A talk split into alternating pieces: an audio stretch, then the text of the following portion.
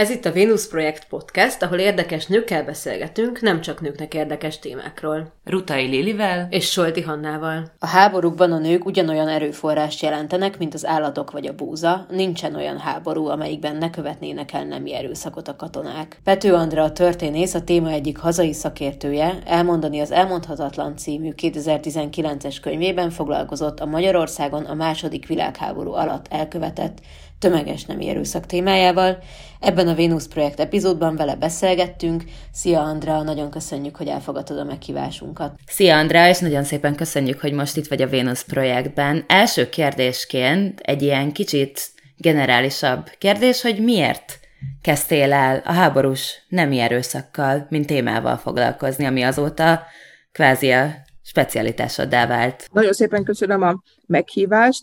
Ez nagyon-nagyon régre nyúlik vissza, mégpedig 97-ben voltam én Bécsben ösztöndíjas, és akkor, akkor írtam az első könyvemet, a, a nőhistóriákat, és akkor láttam egy kiállításkatalógust, amelyik Bécs 1945-ös évéről szólt, és abban volt egy rész, amelyik a megerőszakolt nőkről készült rendőrségi képeket tartalmazta. És az egyik kép az nagyon beleégett a retinámban, ahogy ezt szokták mondani, mert hogy ugye az történt, hogy ugye Bécsnek is egy része szovjet megszállási övezet volt, és akkor azon a területen reggelente megtaláltak megerőszakolt és megölt nőket, kiszállt ugye a rendőrség, megállapította, hogy mi történt, és azt tette hozzá az iratokhoz, hogy a tettes ismeretlen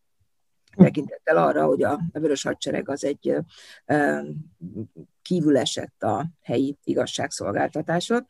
És akkor, mikor hazamentem Budapestre, akkor elkezdtem gondolkodni, hogy hát mi történt, és hogy mit lehet erről tudni, és akkor elkezdtem olvasni azokat a dokumentumgyűjteményeket, meg visszaemlékezéseket, amik ebben voltak, és amik erről szóltak, és elkezdtem ilyen ismerősöknek mondani, hogy na hát képzeljétek, ezt láttam, ezt hallottam, ezt olvastam, milyen érdekes, és akkor ők azt mondták, de hát persze, hiszem az én nagymamám, az én anyukám, az én nagynéném, és akkor így kezdődött ez a projekt, hogy akkor megkérdeztem, hogy esetleg beszélhetnék velük. És akkor így kezdődött a, a, a kutatás, tekintettel arra, hogy Ausztriában a kollégák, azok már 96-ban nagyon komoly előrelépéseket a feldolgozásában. Voltak helyi kutatások, interjúprojektek, feltárták a különböző forrásokat, és akkor én ekkor kezdtem el ezen dolgozni, aminek az eredménye az a 1999-ben a történelmi szemlében megjelent tanulmány, ami most már online is hozzáférhető. Ezek szerint Magyarországon nem annyira foglalkoztak még ezzel akkor? Vagy nem volt ennek a területnek olyan nagy hát népszerűsége a szónak ebben az értelmében? Tudományos kutatás nem volt. Tehát a témát az több elhallgatás fedi. Az első az az, hogy a háború igazsága és a háborúban az igazság. Tehát az, hogy hogyan hogyan harcoltak a vörös hadseregnek a, a katonái, milyen fegyelem volt, milyen belső szabályozás volt. A másik az, hogy 45 után a Vörös Hadsereg Magyarországon maradt, következésképpen arról, hogy milyen bűnöket követtek el a katonák, erről nem lehetett beszélni. És a harmadik elhallgatási szint pedig az a, az a háborús nemi erőszak, mint fegyverhez kapcsolódik, ami azt jelenti, hogy ez a háborús fegyver, ennek az a célja, hogy a legyőzött férfiakat, illetve a legyőzött hadsereget még inkább megalázottá tegye. Következésképpen, amikor erről valaki beszél, akkor ez megerősíti azt a legyőzöttség érzetet. És ezért nem nagyon foglalkoztak ezzel a kérdéssel. Vannak, van néhány visszaemlékezés, azt tudjuk, hogy a, a Polcalennek a visszaemlékezése, amiről gondolom még lesz szó, az 90 után jelenhetett csak meg, és csak szeretném zárójelben megjegyezni, hogy rettenetesen rossz kritikákat kapott a férfi kritikusoktól, zárójel bezárva. Azóta minden nyelvre lefordították szinte, és elképesztő siker volt. És a, az a Sára Sándornak a, a filmje, amit aztán, ami szintén nem kapott nagyon nagy közönség sikert, mert megsemmisítő kritikákat kapott. Tehát erről a témáról úgy hiába próbáltak meg beszélni, mert a, a hiányzott az a, a társadalmi fogadókészség. És ezt a társadalmi fogadókészséget, ezt tudományosan, ezt úgy mondják, hogy, hogy a repülő vagy mozgó hasadék. Ez a banzinának a kifejezése, ami azt mondja, hogy ez a különböző múltban történt eseményekről úgy tudunk beszélni, hogy arra így rávetül a fény. Tehát, hogy nem tudom, hogy ezt hogyan lehetne a hallgatóknak jól elmondani, de hát, hogy amikor így a sötétben megy a, a, esetleg a fénycsóba, és néha belekerülnek különböző dolgok a, ebbe a fénycsóvába, és akkor azt meglátjuk, és vannak, és a nagy, a sok-sok dolog, ami ezen kívül marad, az, az, az arról nem beszélünk. És ezért volt annyira fontos ez a könyv, amit írtam, az elmondani az elmondhatatlan, mert abban épp azt elemzem, hogy ez a, most maradjunk ennél a fénycsóva hasonlatnál, hogy miért van az, hogy különböző időszakokban, különböző módokon hirtelen meglátunk bizonyos dolgokat, amik a háborús nem erőszakkal kapcsolatosak, nem a teljes jelenséget, nagyon szelektíven, és hogy ez néha tovább csusszan ez a fényív, és akkor megint más látunk. De azt mindenképpen lehet mondani, hogy az áldozatok azok általában kimaradnak ebből a fényből. Uh-huh. Ugye mondtad, hogy 96-97 körül kezdtél ezzel foglalkozni, akkor találkoztál ezzel először, 99-ben jelent meg az első tanulmányod, és 2018-ban az elmondani az elmondhatatlan. Szerinted mi az oka annak, hogy ekkora, felteszem, hogyha megjelent belőle egy könyv, volt ö, kíváncsiság ez a téma felé az emberek által, ebből arra következtetek, hogy talán, meg hát emellett így, amit én látok a környezetemben, hogy talán most tényleg egy fénycsóvába került ez a téma. Szerinted ennek mi lehet az oka? Hogy pont most, pont itt Magyarországon nem, az, hogy Magyarországon mi történt, az egy másik történet, mert hogy más országokban ez már rég egy, uh-huh. hogy mondjam, ahogy a német mondja, a tegnap leesett hó, tehát, hogy...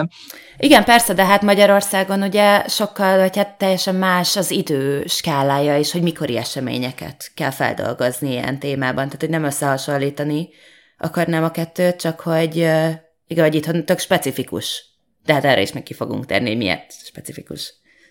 Igen, tehát az, hogy, hogy mi történt 1999 és 2018 között, az egy nagyon érdekes folyamat, mert ugye mit, mit remél a történész, mikor megír egy ilyen tanulmányt, amiben benne van mondjuk két év munkája, tehát mondjuk a, ebben a történelmi szemlés tanulmányban benne van két év munkám. Azt reméli, hogy utána mások is elkezdenek ezzel a témával foglalkozni, és elkezdik ezt a kérdést vitatni. Na most természetesen ez nem történt meg, tehát 99 után ö, ö, megjelent a cikk, én persze vártam, hogy most akkor hirtelen a Föld megáll a forgásában, és majd hirtelen sok ember fog ezzel foglalkozni, nem kezdett el ezzel foglalkozni, és akkor elkezdtem azon gondolkodni, miért van az, hogy ez a tanulmány szintén egy ilyen fekete lukba esett bele, tehát hogyha maradunk ennél a fénycsóva hasonlatnál, és nagyon egyszerű, tehát az, hogy a feminista történetírás az nem nagyon szeret foglalkozni olyasmivel, ami egy ilyen szörnyű emlékezet. A feminista történetírás általában egy baloldali progresszív hagyományból kapcsolóhoz kapcsolódik, következésképpen a Vörös Hadsereg által elkövetett atrocitások, azok egy tabut érintenek. Ugyanide kapcsolódik az, hogy hogy a, a, a meg, a, az, hogy tömeges nemi erőszak történt, az felveti annak a kérdését, hogy hogy ez hogyan, hogyan volt lehetséges. Tehát az, hogy a, a Horti Magyarország elitjének a kudarca, az elit kudarc, azzal való szembenézés, az mondjuk 1989 után nem nagyon következett be, illetve azzal se néztek igazából szembe, hogy 1945 után, ugye a kommunista időszakban nem nagyon foglalkoztak azokkal a nőkkel, akiket megerőszakoltak, hanem egy medikalizált, ilyen orvosi diskurzus alakult ki, amiről még talán lesz szó, hiszen 1945-ben éppen azért, mert tömegesen erőszakolták meg a nőket, lett ingyenes és kórházban elvégezhető a terhesség megszakítás. Tehát, hogy ezek mind hozzájárultak ahhoz a fekete lukhoz, amiben eltűnt az én tanulmányom, egészen addig, amíg az internet és a digitális világ be nem kopogott a számítógépünkön, és ez a történelmi szemletanulmány ez online hozzáférhetővé vált. És ekkor következik be a történetírásnak az a populista fordulata, amikor nem a hivatásos történészek kezdenek történetet írni, hanem azok, akiknek kérdéseik vannak. És aminek kérdéseik vannak, azok, azok a kérdések, azok a családból, a környezetből jönnek. Mert hogy ők tudják, hogy ez történt a faluban, ez történt a városban, ez történt a nagymamával, ez történt a nagynénivel, és a kérdéseik vannak, következésképpen ezt beguglizták. És amikor beguglizták, akkor az én cikkem jött föl. És ezért mondjuk egy olyan 2002-3-4 felé azt lehetett látni, hogy februárban a Budapest felszabadulásakor, illetve az áprilisi eseményeknél előhozzák az én cikkemet, és főleg a konzervatív és szélső jobboldali portálok idézik ezt a cikket, azzal, hogy még a Pető Andrea is azt mondja, hogy tömeges nemi erőszak történt. És ez nagyjából megváltoztatta ezt a beszédmódot, mert így lassan így becsúszott a köztudatba, hogy ez létezik. Tehát ez az első fázis. A második fázis az a populista történetírási fordulathoz kapcsolódó illiberális fordulat, aminek eredményeképpen csinálta meg a Skrapski Fruzsina az elhallgatott gyalázatfilmet. És ez az elhallgatott gyalázat film, amiben én is szerepelek és szakértek, ez alapvetően változtatta meg a diskurzus, nem csak azért, mert hogy a magyar ö, ö, tévé rengetegszer leadta, nem csak azért, mert hogy YouTube-on mit tudom én hány százezren nézték meg, hanem azért, mert adott egy nyelvet, adott egy elmondási formát valaminek, ami korábban nem volt ott. Tehát ez a film, ez tulajdonképpen, hogyha visszatérünk ehhez a hasonlathoz, volt az a fénycsóva, ami behúzta ezt a kérdést a, a, a, a fénybe, és akkor ennek kapcsán nagyon sokan és sokat beszélnek róla. És hát ugye van most nekünk egy orosz-ukrán háborunk, aminek kapcsán ez szerintem megint sajnos nagyon aktuális a mi környezetünkben is ez a téma. Mondtad a, azt, hogy mennyire keveset szólnak az áldozatokról, vagy az áldozatok szemszögéből ezek a kutatások. A feltárásnál milyen nehézségei vannak ennek a témának? Aztán majd az elmesélésnél is rá fogunk erre kérdezni, de most a, a feltárás, a kutatás részére gondolok elsősorban. Amit lehet látni mondjuk 1999 óta, hogy ennek a témának nagyon kevés igazán alapos kutatása van, mert hogy most lehet azt mondani, és ezt meg is írom az elmondani az elmondhatatlanban, hogy fel vannak tárva a források. Tehát pontosan tudjuk azt, hogy mi és hol milyen források vannak, kivéve ugye a, az orosz forrásokat, mert oda nem lehet bejutni, de majd ugye erről még esetleg lehet beszélni, és hogy lehet tudni, milyen típusú írott források vannak, és milyen típusú interjúkat lehet készíteni túlélőkkel, illetve azokkal, akik a nemi erőszakból születtek. És hogyha megnézzük mondjuk, ugye a történész az írott forrásokkal dolgozik, megnézzük, hogy milyen források vannak.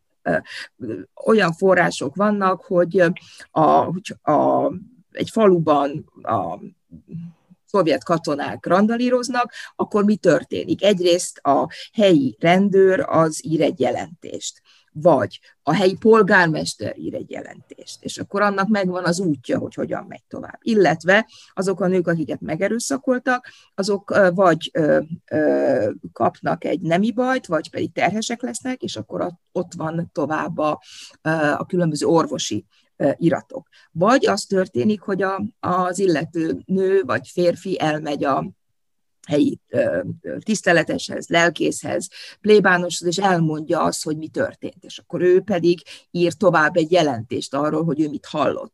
Tehát és tanácsot kér, ugye mert legtöbb esetben azért mentek el a, a lelki atyákhoz, hogy, hogy abortusz szeretnének, viszont az ellentétes a hittel.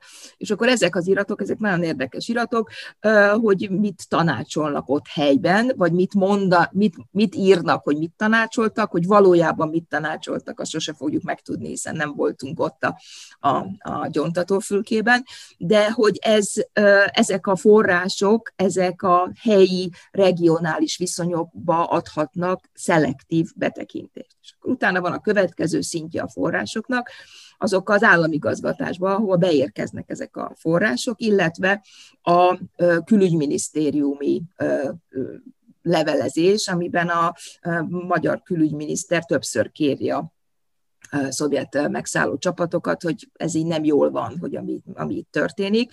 Tehát, hogy ezek a, ezek a források, ezek a, a különböző intézmények működése, illetve nem működése eredményeképpen születnek. És akkor van egy másik fajta forráscsoport, ezek a, a személyes dokumentumok. Tehát, hogy valaki levelet ír, vagy naplót ír, vagy ö, visszaemlékezést ír, vagy regényt ír, vagy esetleg van fotó, tehát, hogy, hogy ezek, ezek a források, ez a másik csoportja a, a, az írott forrásoknak, és a harmadik pedig az interjúzás, tehát az, hogy oda menni, megkérdezni, felvenni. És ez egy nagyon-nagyon nehéz műfaj, tekintettel arra, hogy hogy amit említettem, hogy még, még egyszer elmondani, sokatszor elmondani, az egy nagyon komoly kiállást követel, és nagyon komoly következménye lehet a, az interjú alanynak a jövőjére nézve is. Tehát ezért ezek az interjúk azért, ezért nagyon nehezek, és ezért például ugye a, ebben a bizonyos elhallgatott gyalázat filmben nincsen olyan interjú alany, akit őt magát erőszakoltak volna meg, hanem mindenki másról beszél. És ez egy, egyrészt egy elbeszélési technika is, és azért ezt lehet azért nagyon sokszor látni, hogy, hogy valaki úgy bújik egy ilyen elbeszélési helyzet mögé, hogy, hogy ne derüljön ki, hogy tulajdonképpen vele történt meg az, amit ő elmond, de azért ez egy nagyon nehéz, nagyon nehéz ügy, és felveti azt a kérdést, hogy a kutatónak milyen lehetőségei vannak, milyen korlátai vannak, mert hogy azt el kell fogadni, hogyha az interjú alany nem beszél, mert hogy az a hallgatás, az lehet nem csak egy szégyenből adó hallgatás, hanem lehet egy ellenállás is, hogy ő nem mondja el, és ezzel nem erősíti meg a megerőszakolt lóknak a győzelmét szerintem most például a Lilivel újságíróként mi is pont az orosz-ukrán háború kapcsán többször kerülünk olyan helyzetbe, hogy cikket kell írnunk háborús nemi erőszakról, vagy valamilyen csoportos nemi erőszakról. Ezek persze csak rövidek cikkek általában, de bennem nagyon gyakran felmerül a kérdés, hogy hogyan kell, vagy hogyan lehet erről jól írni. Ez egy nagyon nehéz ügy, és azt hiszem, hogy erre nagyon kevés a jó válasz egy rossz választ tudok mondani, talán emlékeztek arra, amikor a, a, a jugoszláviai háborúk idején volt ez a történet, hogy a menekült táborokban megérkeztek az amerikai újságírónők, és angolul kérdezték, hogy van-e itt valaki, akit megerőszakoltak, és tud angolul.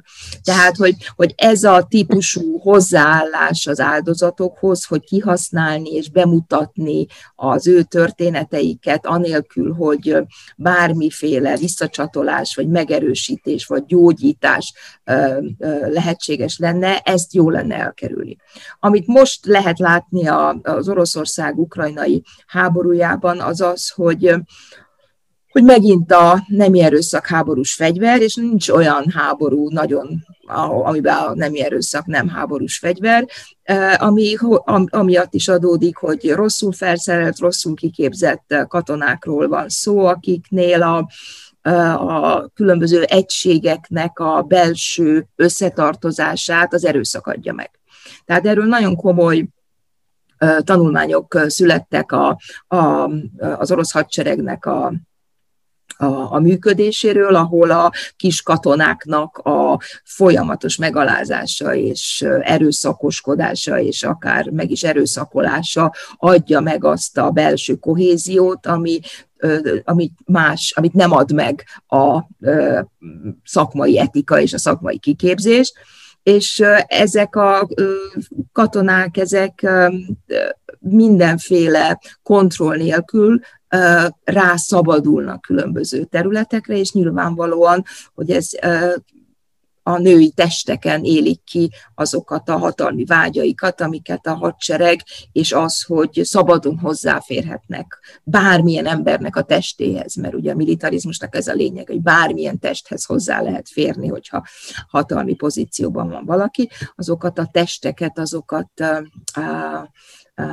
magukévá teszik és, és roncsolják. Ebben az értelemben viszont, mert hát nem csak bármilyen testről beszélünk, hiszen a háborús bűnökről és háborús gyilkosságokról korábban is sokat beszéltünk. Szerinted az, hogy konkrétan nőkről van szó, és nem erőszakról van szó, ennek a tettnek a megtörténtekor és a feltárásakor is mennyire egy feminista ügy, vagy mennyire a patriarhátus problémája? Tehát, hogy mennyire kell ezt a feminizmuson belül vizsgálnunk? Hát a háborús nemi erőszak az emberiesség elleni büntet. Pont. Mm-hmm. A 90-es évek közepétől kezdve, ugye a jugoszláviai háborúk során épp a különböző civil szervezetek és a különböző feminista mozgalmak elérték azt, amit a, például a Nürnbergi perben nem sikerült, pedig akkor is felmerült az, hogy a, a nemi erőszak az szintén emberiesség elleni büntet. Tehát az, az egy háborús bűn. Na most a háborús bűnöknek a dokumentálása, a kivizsgálása, és aztán a büntetés kiszabása, az mindig egy nagyon bonyolult és hosszadalmas folyamat volt. Tehát ha megnézzük akár a ruandai, vagy akár más népírtásoknál, a hágai bíróságnál még most is vannak különböző ügyek, amelyek nagyon nehezen haladnak előre, és hogyha megnézzük akár a jugoszláviai háborús bűnöknek a, a kivizsgálását, azért látjuk, hogy az, ez nem, is, nem önmagában egy sikertörténet. Tehát attól, hogy van egy nemzetközi norma, attól, hogy van egy nemzetközi bíróság, attól, hogy vannak nyilvánvalóan elkövetett büntettek, attól még ez a rendszer nem működik jól, mert a, az áldozatok, az áldozatoknak a szempontjai, az áldozatoknak a kár, kártalanítása, az áldozatoknak a, a, a jelenléte, az mind-mind egy nagyon fontos kérdés, ami nem mindig sikerül jól. Tehát azt látjuk a, a jugoszláviai háborúk esetében is, hogy a, a nem minden áldozati csoport egyforma, nem mindenkinek vannak egyforma anyagi lehetőségei, hogy ezeket a nemzetközi jogi formákat igénybe vegyék, szóval, hogy ez, ez egy nagyon bonyolult folyamat, és a nemzetközi közösségnek és a különböző aktoroknak nagyon innovatívnak kéne lennie a mostani háborúban, mert az világos, hogy mi az, ami nem működött a korábbi konfliktusoknál, mik azok a dokumentációs eszközök, amik nem működtek, mik azok a jogi szabályozások, amelyek felemás eredményt hoztak, és ezért nagyon fontos az, hogy ez a dokumentáció ez minél hamarabb megtörténjen. Szerencsére nagyon sok civil aktor már dolgozik ezen, tehát a helyszínen vannak civil szervezetek, a helyszínen vannak nemzetközi szervezetek is, és különböző kriminalisztikai csoportok, amelyek folyamatosan dokumentálják azt, hogy mit találnak, és interjúzzák a túlélőket olyan célból, hogy azokat majd a, a felálló nemzetközi bíróság előtt, mint bizonyítékot be lehessen nyújtani. Körülbelül mennyi idő lesz, mire ezeket a bizonyítékokat nyilvánosságra hozzák, mert hogy ugye a médiában tényleg gyakran megjelennek azok a háborús bűncselekmények, és köztük a nemi erőszak is, amit az orosz katonák Ukrajnában végeznek, de ez még nem egy átfogó kutatás, ez még inkább egyedi esetekre koncentrál, mint hogy az egész jelenségre. Mit gondolsz, ezt mikor látjuk majd, hogy konkrétan ennek mekkora kaliberű hatása volt? Hát erre nem tudok válaszolni erre a kérdésre. Az nagyon fontos, hogy folyamatosan a médiában jelen legyenek az erről ö, szóló híradások. Az nagyon fontos, hogy mindenki szembesüljön azzal, hogy a hadsereg, a militarizmus, a háború, az a nők testén is történik. Tehát nem csak az atomerőműveket robbantják fel, nem csak a hidakat robbantják fel, hanem ez a nőknek a testén is történik, és ez egy olyan sérülés, ami generációkon keresztül kifoghatni a, a, a, az, hogy mi, mi történik itt a háborúban, és ez csak úgy lehet ezt a háborút megállítani, csak úgy lehet ezt a háborút befejezni, hogyha a lelkekért és a szívekért való küzdelmet minden egyes ember esetében megnyerjük.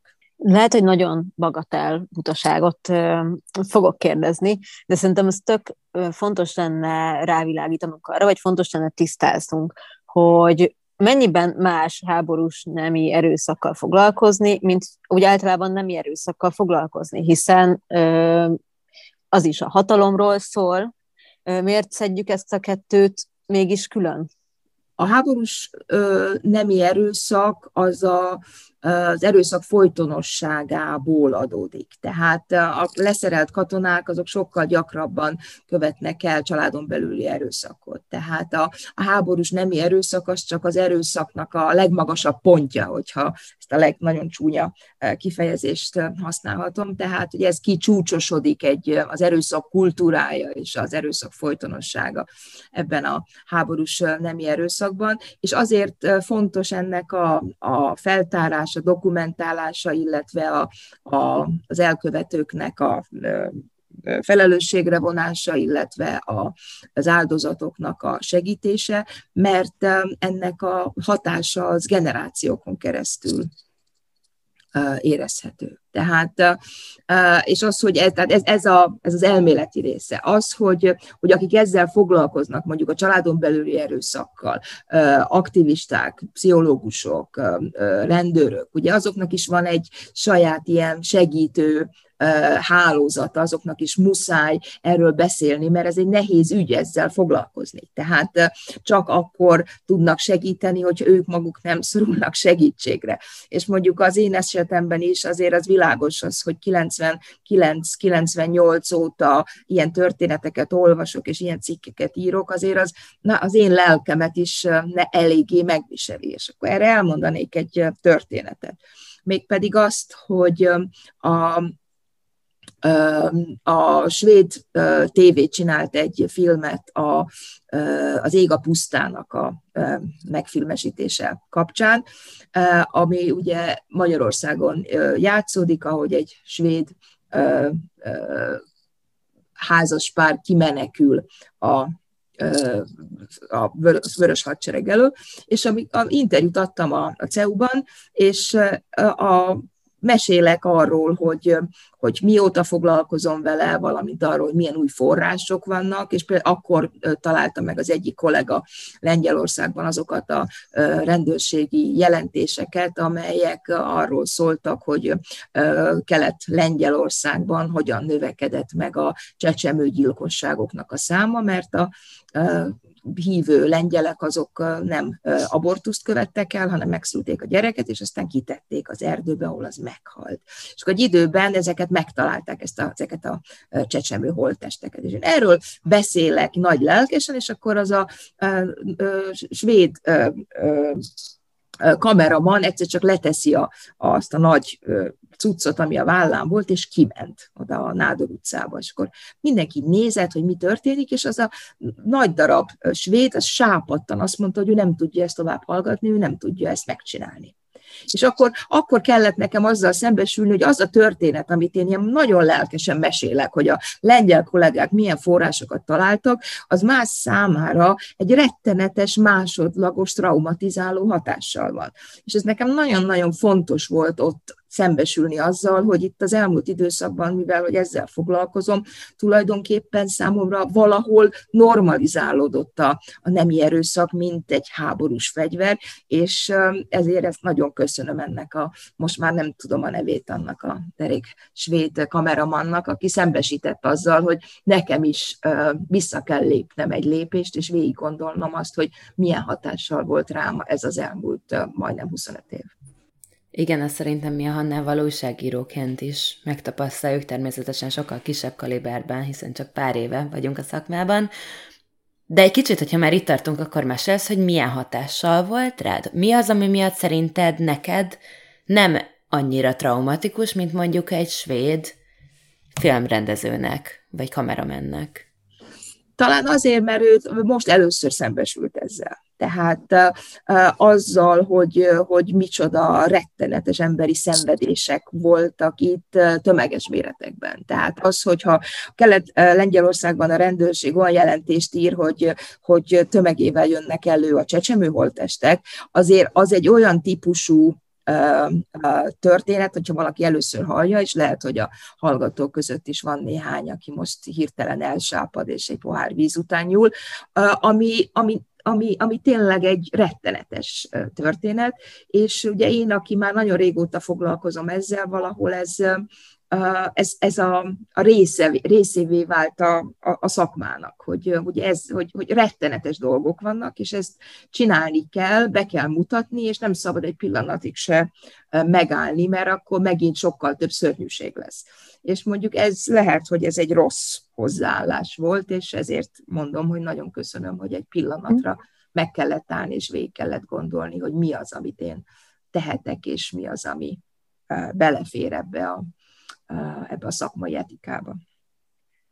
Igen, és nyilvánvalóan az is benne van, hogy az ember folyamatokat lát, hogyha sokat foglalkozik ilyen témával, és egy kicsit talán tudatosan, talán kevésbé tudatosan, plastikusabban szemléli ezt, és így kívül helyezkedik ezen, és a nagy egészet nézi, és akkor ez talán az empátiának, nem is az elvesztésével, de hogy így a másodlagosságával jár.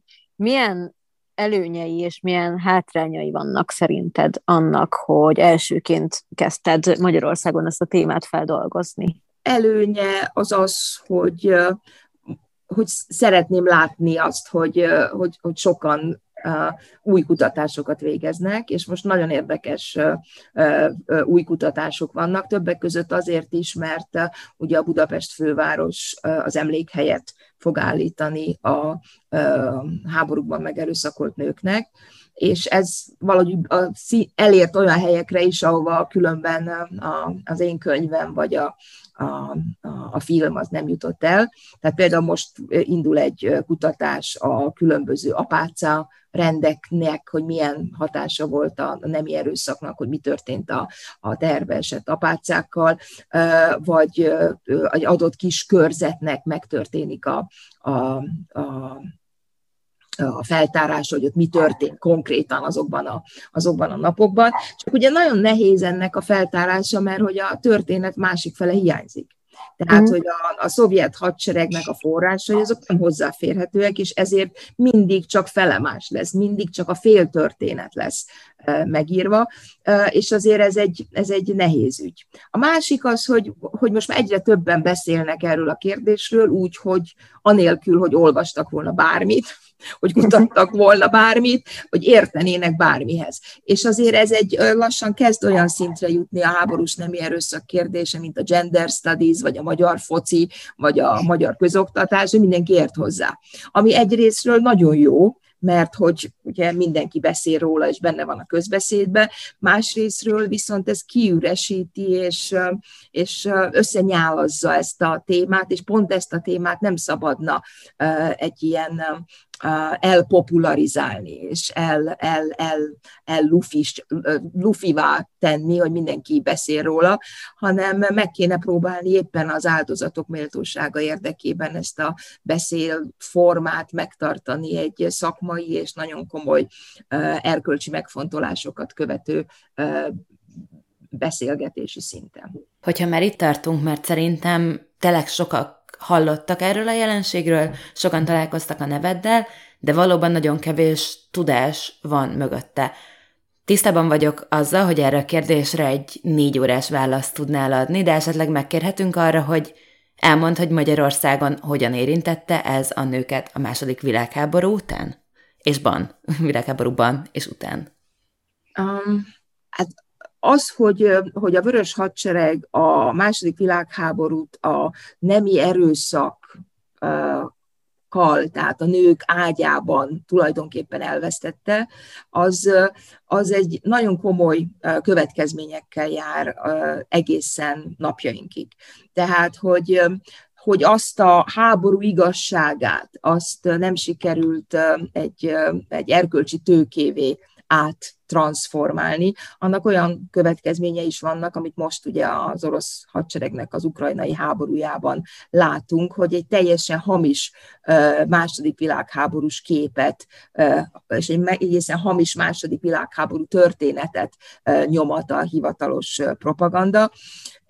És ez a Magyarországra, ez Magyarországra vonatkozva azt jelzi, hogy egyrészt Magyarország magyar történetírásban ne, nem nagyon kellett azzal szembenézni, hogy ez az elit kudarc, ami a horti rendszernek az elit kudarc, hogy ennek mik a következményei. Nem kellett azzal szembenézni, hogy, hogy mit jelentett ez a nők százezreinek, hogy összeomlott egy, egy állam, egy államigazgatás, egy, egy orvosi rendszer, és egyedül maradtak egy olyan traumával, és annak a minden orvosi és egyéb következményével, ami, ami, aminek nem kellett volna bekövetkeznie, valamint az, hogy megtanulták azt, hogy, hogy jobb nem beszélni a dolgokról, jobb elhallgatni, és így sunyi-bunyiban valahogy úgy megoldani a dolgokat, és aki erről beszél, az, el, az, az, az egy ilyen kellemetlen problémát okozó valaki. Tehát, hogy ennek tulajdonképpen az a nagy volumenben a vagy nagy vastag ecsetvonásokkal felfestve az a következménye, hogy ez a kettős beszéd kultúrája kialakult, a, ez a nem a, az, ahogy a klasszikus vicc mondja, hogyha gondolod, ne mondd ki, ha, nem, ha, ha kimondtad, ne írd le, ha leírtad, ne legyél meglepve. Tehát, hogy ez a típusú uh, kultúra kialakult, és, és az, hogy ez a, ez a nők testén keresztül szabályozódott egy ilyen elhallgatás kultúra, és ennek a társadalmi nemi vonatkozása rendkívül fontos. Uh-huh.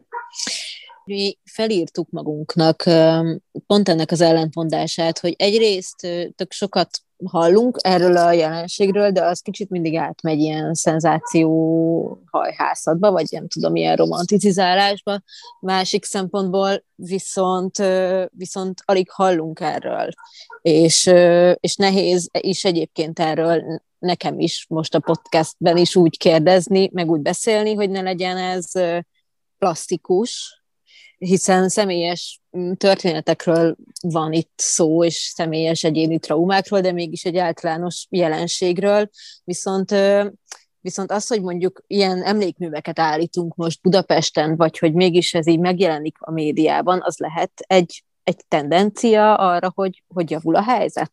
Az, hogy javul-e a helyzet, azt én nem tudom, de az biztos, hogy, hogy az egy kezelési forma, hogy egy ilyen bulvárosodás, és ezt ne tegyét, ne vegyétek személyesnek, de hogy a bulvárosodása egy-egy témának, egy-egy komoly témának, az, az a módja, hogy leginkább kiüresíti, és, és fájdalommentessé, illetve tét nélkülivé teszi. És amihez hozzányúl a bulvár, abból sose lesz már igazából egy komoly kérdés. Tehát ezért nagyon-nagyon fontos az, hogy, hogy hogyan, hogyan beszélünk, és mi, ki beszél, és, és hogy milyen módokon beszélünk ezekről a kérdésekről, és ezért aggódom, hogy egyre többen olyas valaki beszél a második, háború, második világháborúban elkövetett nem erőszak, soha életében nem kutatott róla, hanem csak véleménye van.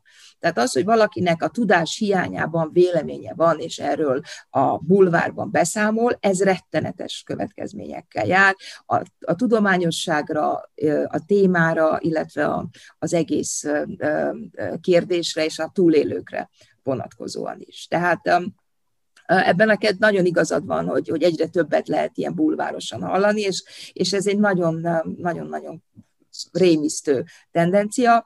Egy darab emlékmű lesz erről ugye a Budapesten az első kerületben, de azt azért talán a hallgatók is tudják, hogy van már kettő darab emlékmű. Mind a kettőnek ilyen kódolt nyelven van felírva arra, hogy Csongrádban is, hogy hogy, hogy az egy a háborúban megerőszakolt nőknek az emlékműve. Többek között ennek köszönhető valószínűleg, hogy fölállították, mert, mert nem lehet tudni, hogy ez annak Uh-huh. Erre állították fel, mert egy idézet van a, a jelenések könyvéből felvésve, amit nem biztos, hogy egyrészt mindenki tud, másrészt a, a, a kontextust, hogy miért állították azt a, az emlékművet, azt se tudják, és ez mutatja azt, hogy újfajta nyelv van kialakulóban, és ez a lengyelországi nyelvnek az átvétele, amelyik a mártíromságról beszél. Tehát ugye beszéltünk arról, hogy nagyon nehéz erről beszélni, nagyon nehéz szavakat találni. A könyvemben én írok a különböző irodalmi fogalmaknak és különböző irodalmi kifejezéseknek az átvételéről, ahogy a, a nők megpróbálnak erről beszélni. De most ez az újfajta nyelv, ami jön Lengyelországból Magyarországra, ez a mártíromságnak a nyelve, amihez hozzátartozik, hogy Lengyelországban már szenté avattak valakit, aki meghalt egy a tömeges, többszörös nemi erőszakban, most Magyarországon is van egy ilyen kísérlet, hogy áttolni ezt az egész problémát és ezt az egész elbeszélési módot egy vallásos katolikus keretbe, és ez a mártíromság, ez, ez, ez megint lehetővé teszi azt, hogy ne beszéljünk a lényegről, ne beszéljünk a következményekről, ne beszéljünk az okokról, és ne beszéljünk arról, hogy milyen, kinek milyen felelőssége van, és volt. Abszolút egyetértek veled abban, hogy a tudományos témáknak nem tesz jót az, hogyha bulvárossá válnak, és valóban kiüresednek. Viszont felmerül bennem a kérdés, hogy hogyha csak kódolt üzenetekkel, és csak tudományosan foglalkozunk ezzel a témával, az nem káros-e a társadalom számára, avagy nem az egész társadalom ügye lenne az, hogy erről beszéljünk? Ez a szakértőknek az ügye lenne, hogy hozzáférhető, érthető nyelven beszéljenek szakkérdésekről. És én így akartam megírni az elmondani az elmondhatatlant, hogy azt egy ültő helyben el lehessen olvasni, kiírtottam belőle minden ilyen elméleti fejtegetést, köszönettel a Jaffa szerkesztőinek, minden olyasmit, ami, ami ilyen szaktudományos, lózung, azt kihúztunk belőle, és a, ugyanakkor semmilyen engedményt nem tettem a tudományosságnak az oltárán, tehát, hogy folyamatosan egy olyan szöveget írtam, amelyik minden mondat mögött ott van a évtizedes kutatómunka, de ugyanakkor olvasmányos és olvasható. Tehát én nagyon-nagyon egyetértek azzal a, a, a megjegyzéseddel, hogy tehát a kutatóknak nem szabad bezárkózni ebbe az elefántcsontoronyba, mert többek között ennek köszönhető ez a populista, illiberális fordulat a tudománypolitikában, mert hogy, hogy mindenkit érdekel a múlt, és mivel hogy nem kapnak választ a úgynevezett hivatásos történészektől, ezért oda fordulnak, ahol megfelelő válaszokat remélnek. És ezek legtöbbször elég sekélyes és mérsékelt válaszok, azért, mert a úgynevezett tudományban dolgozók azok a, a különböző tudománymetriai megfeleléseknek köszönhetően ilyen 25 ember által olvasott cikkeket írnak. És ezért próbálkozom én olyan cikkeket, meg könyveket írni, amit nagyon sokan olvasnak. És remélhetőleg sokan lesznek még, akik hasonlóan gondolkodnak, hogy nem a ötfős szakmának írunk cikkeket, hanem egy szélesebb közönségnek. Uh-huh. És nyilván itt benne van az is, hogy nehéz mások helyett beszélni, sőt, talán nem is szabad mások helyett beszélni, viszont nem nagyon mondhatják el másokon a történetüket azok, akik ezt megélték, és ez nyilván egyre, egyre jobban így van. Társadalomként kérdezve most civil emberekként, mit tehetünk, hogy, hogy jobban elismerjük, felismerjük ezeket a bűnöket, és most, most ezt először kizárólag Magyarországra és a mostani magyar társadalomra ö, értem, tehát nem mondjuk Hollandiára, vagy nem tudom. A második világháború történetének az oktatása, aznak nagyon fontos szerepet kéne játszani a oktatásban. Ehhez képest ugye a végére van oda rakva, amikor mindenki az érettségének a a lázában ég, és nagyon sok függ attól a tanártól, aki ezt tanítja. És az, az is biztos, hogy jó tankönyvekre van szükség, és nagyon sok olyan anyagra, amit a tanárok jól tudnak használni ebben a, ebben a tanítási folyamatban. Amit a történészek tehetnek, az, hogy jól olvasható és jól adatolt szaktudományos munkákat írnak érthető nyelven, és mivel, hogy egyelőre ugyan Magyarország már háborúban áll, de még nincsenek itt a, a, a különböző felfegyverzett férfi testek, hogy felkészül arra, hogy mi fog történni, hogyha ilyen szörnyű háborús helyzetek vannak, és felkészülni arra, hogy azok, a, azok az ukrán nők, akik ide menekültek, hogy ő, az ő számukra van-e valami segítség például, van-e valami olyan támogató hálózat, amelyik, amelyik ezt segíti, illetve lehet azon gondolkodni, hogy a háború és az erőszak folytonossága eredményeképpen az egyes családokban végig gondolni azt, hogy ez, ez hogyan történt, és hogyan befolyásolja az egymás közötti viselkedési módot, beszédmódot, hogy ez hogyan határozza meg a későbbi generációknak az életét. Szerintem ez egy nagyon jó útra való a hallgatóknak. Nagyon szépen köszönjük, Andra, ezt a beszélgetést, remélem, hogy sokaknak felkeltette az érdeklődését úgy, hogy ne csak a cikkeket olvassák, hanem például az Elmondani az elmondhatatlan című könyvedet is. Nagyon szépen köszönöm. Ez volt a Venus Projekt Podcast. Solti Hannával és Rutai Lilivel. Ha tetszett az epizód, értékelj minket az Apple Podcast rendszerében, hogy többekhez eljussunk, és kövess minket Facebookon, Instagramon és TikTokon.